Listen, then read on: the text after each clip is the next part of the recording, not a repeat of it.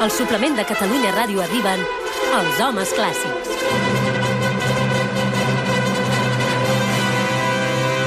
Ready, set, go!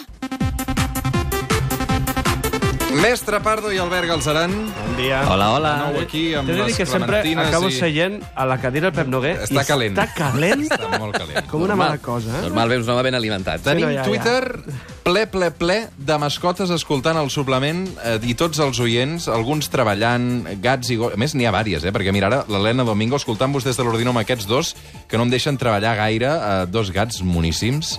Amb des, molta gent amb cotxe, eh? també ens escolta gent des del cotxe, l'Andrés Isabel eh, abraçant el seu gos. Realment aquesta és una crida que... Tu tens gos o gat? No, Potser no? jo sóc solter fins i tot amb Ah, vale. aquestes coses. Ni plantes, ni res. Què ens porteu avui? I cactus. Doncs avui volem parlar-vos de dos músics catalans molt importants i que tenen alguna cosa en comú més enllà de la música. Sí, sí, però abans de que se m'avanci l'Albert amb l'òpera, eh, començarem amb el més proper a mi, amb el meu terreny musical, que és la composició.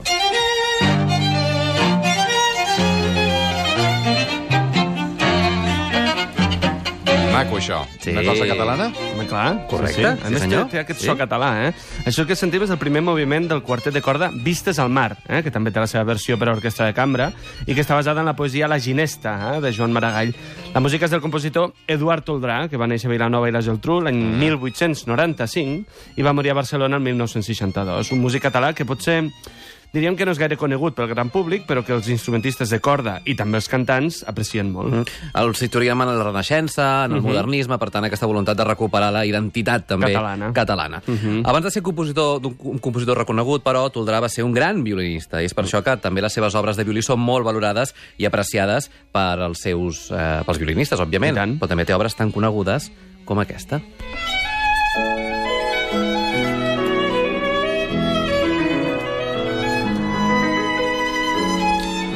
Toldrà també molt apreciat pels catalans, eh, dieu? pels catalans i pels cantants, també, eh? Perquè, a, a més a més, es va especialitzar... Sí, sí, és que els catalans... Bueno, hi ha catalans cantants, òbviament. Sí, hi han cantat... Mira, Això no ho aixecarem avui. No, però sobretot pels Podem cantants catalans, és veritat. fins la una del migdia, si voleu. No, nois. No, que tenim moltes no, coses. escolta'm, que és veritat que els cantants catalans aprecien molt perquè ell es va especialitzar en compondre cançons amb un format proper al, al lit alemany, però justament en català, i amb un format de veu i piano, tot i que alguna vegada aquest piano el va transformar doncs, en orquestra. Sí, sí, sí.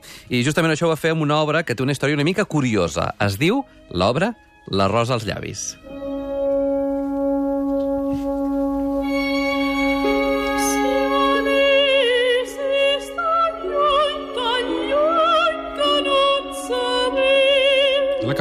Sí, senyor. Uh -huh. Sí, sí, sí. Molt bé. És quina, a veure la història d'aquesta obra. Mira, aquesta composició, una dels, dels més importants d'Eduard Toldrà, la va compondre l'any 36, 1936, i la va dedicar a la Conxita Badia, una de les sopranos més importants de l'època.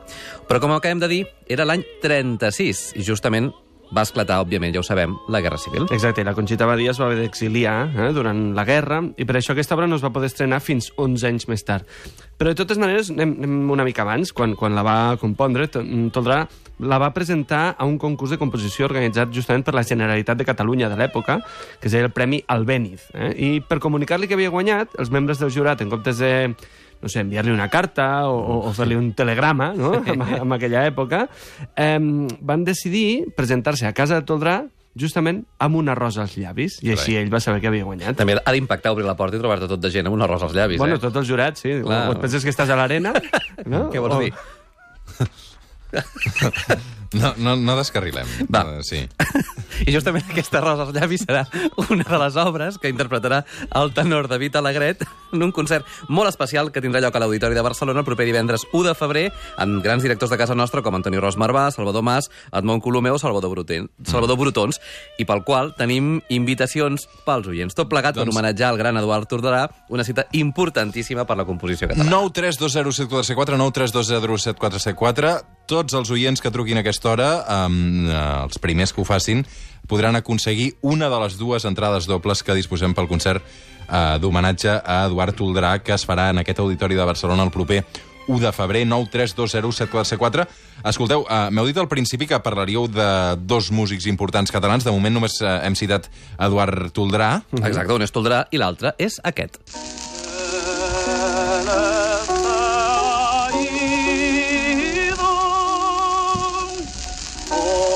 Antic, eh, això. No, una mica no, molt, molt antic. No, no, molt antic, eh? perquè justament aquest que sentim és el tenor Francesc Vinyes, eh? que va néixer a Mollà l'any 1863 i va morir a Barcelona el, el 1933. I per tant la gravació, doncs, imagina't, deu ser d'aquests de, de, de, de pedra. Eh? És una gravació que es va fer a Milà l'any 1905, on Vinyes canta la Celeste Aida de la ira de Giuseppe Verdi.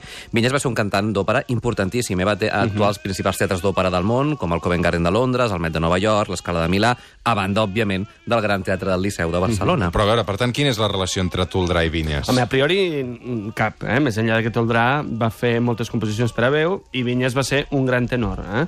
que, mm, el que passa és que el que els podria relacionar amb un i a l'altre serien, per exemple, els concursos.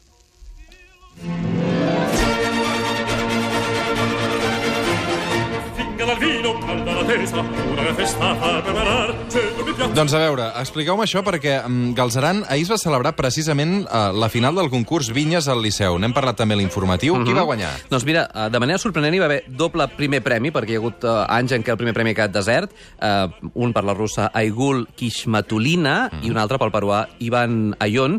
Per tant, els felicitem des d'aquí. I avui, uh, Homes Clàssics, al suplement m'heu portat dos cantants que just ahir van participar a la final d'aquest concurs. Són la soprano, uh, en aquest cas, um, Laura del Río i el... No, El tenor Juan de Dios. és el, el tenor Juan de La Laura Dios, no ha pogut perdona. venir al final. Sí, a última hora no ha pogut venir, tenim a la, mm. el, el tenor, Juan de Dios, i a la pianista Ana Creixells. Benvinguts, com esteu? Muy bien, Com va, gracias. com, va, com va anar la prova en aquesta final? Com fue la prueba, Juan? Pues muy dura, fueron mucho, ah, mucho rato de espera y bueno, escuchando a los compañeros, eh, la verdad es que mucha emoción y, Y muchos nervios, me Muchos imagino, ¿no? nervios, muchísimos Bueno, y, nervios. pre- y premios, tú, eh, te- conseguiste el premio Plácido Domingo. Sí, la verdad es que muy muy contento. El- me dieron el premio, bueno, grandísimo honor por recibir el premio de Plácido Domingo al mejor cantante de ópera español. Más siendo tenor, imagino. Y hombre, es que, que te den el premio de uno de los tenores más grandes de, De la de la historia, historia, claro. a nivel mundial y que encima sea español y te den el premio, pues, ¿Y, y esto qué puede significar para tu carrera? Pues espero que, que me dé un pequeño empujoncito Sí. o un gran empujoncito y que me abra algunas puertas. Mañana toca cantar en la final, el Mañana concierto toca. final, vaya. Sí, sí, ¿Ya sabes que cantarás mañana? sí. Voy a cantar el segundo aria que canté ayer, eh, La Mesa Mi, de La hija del regimiento de Donizetti. Los 9-2 temidos. Ahí. Tenim ganes de sentir-los, no? Uh, Endavant, sí. El, el suplement de Catalunya Ràdio. Um, ara mateix, doncs, uh, el sentim o què, Galzeran? Sí, para mí sí. Juan, ¿qué nos vas a interpretar? Voy a cantar el aria de Fenton de Falstaff de Verdi. Ujú. Doncs uh, quan vulgueu, uh, Juan de Dios, uh, tenor, amb, també amb l'Anna Creixells al piano, uh, en directe al suplement de Catalunya Ràdio, acompanyant aquests homes clàssics.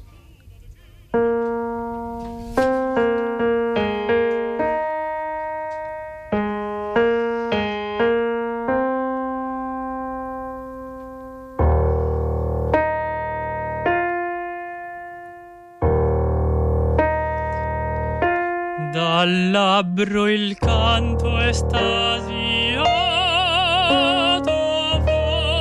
vola pei silenzi notturni e va lontano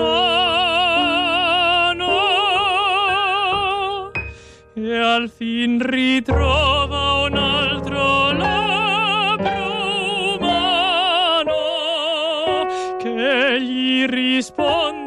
con la sua parola.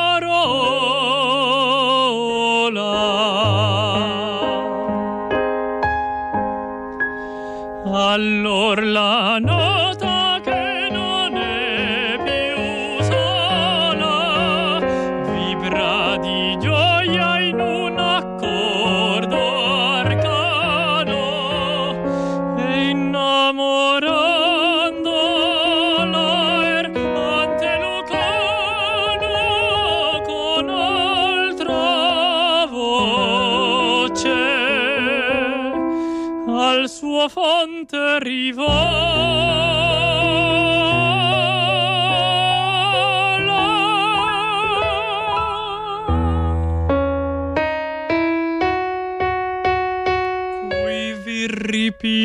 ripiglia suon ma la sua cura tende sempre ad unir chi lo disura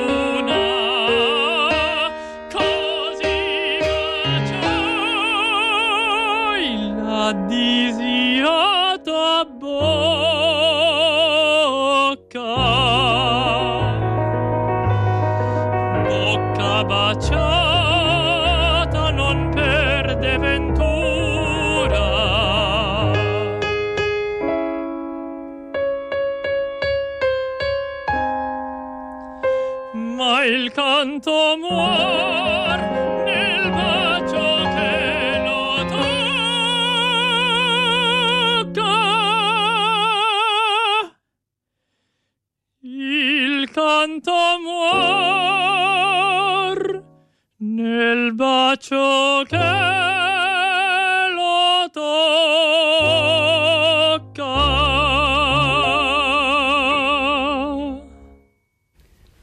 Bravo!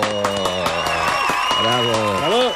En directe, Juan de Dios, acompanyat al piano de la Anna Creixells. Moltes, moltes, moltes gràcies i moltes felicitats. Atenció, perquè realment les entrades aquesta que, que sortejàvem um, ja han volat, se les emporta la Carme Ibars i la Conxita Mestança han estat les més ràpides de marcar el 9320744 i si teniu ganes d'escoltar en directe tots els guanyadors del concurs Vinyes, demà a les 6 de la tarda se celebrarà el gran concert final al Teatre del Liceu també n'estaran ben pendents els homes clàssics. I tant, mhm, Amb com cada any. clàssics que també no ens els podrem perdre, els escoltarem a Catalunya Música amb un programa ben especial Sí, a sí. les 10 de la nit. Demà molt especial i en bona part gràcies al suplement perquè recordaves que fa 15 dies vam fer una crida demanant als oients que ens enviessin notes de veu, de, dient-nos quina és la seva obra de Mozart favorita. Vam tenir tal allau de, de notes de veu, Pedro, que al final el, hem fet el programa doncs, amb les peticions dels oients. Exacte, i sobretot celebrant l'aniversari de- de- Sí. d'un dels grans, que és Wolfgang Amadeus Mozart. Que demà, tal dia com demà, de Sí, 1756 demà farà néixer. 263 anys, vull dir, una xifra així... molt- Rodona, ideal per celebrar. Segur que no teniu mascotes, nois? És Jo n'he, jo tingut tinc- tota la vida, però ara no en tinc. Aquestes, la Montse, aquestes dues... És que, o sigui, realment hem... hem Jo sóc al·lèrgic als gats. Gairebé de manera inofensiva hem reclamat als oients que si ens estaven escoltant amb les seves mascotes a casa seva avui dissabte, que ens la pengessin una foto roba al suplement, i tenim tot el Twitter eh, col·lapsat d'oients amb mascotes i gats. I veig que eh, hi ha una falera extraordinària eh, per escoltar el programa no amb una mascota, sinó amb diverses. O sigui, la Montse diu aquestes dues preciositats, gairebé tres masets nascudes al carrer després de molts esforços, paciència i dormint plàcidament ara mateix al sofà escoltant el suplement. Ràdio i gats, un dissabte fantàstic. La Dèbora Baena. Sí, sí, la fotografia de la Dèbora també és um, maca de veure. Um, Tu no n'has tingut mai, de, ni de gat ni de gos? mai? no, no, no. Oh, mira, que la Bibi, de 18 anys, és peluda, la Bibi, eh? Uh, les estem repiulant, vull dir que si entreu a La roba al la gata, suplement no? no trobareu. El què? La, la Bibi és la gata. Que Sí, la Dolors és la... Ah, vale.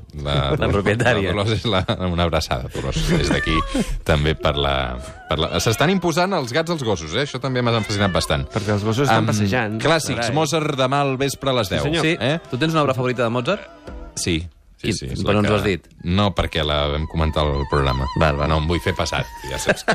Ja en Beethoven en vam tenir prou. Sí. Hem de posar uns anuncis i ara tornem.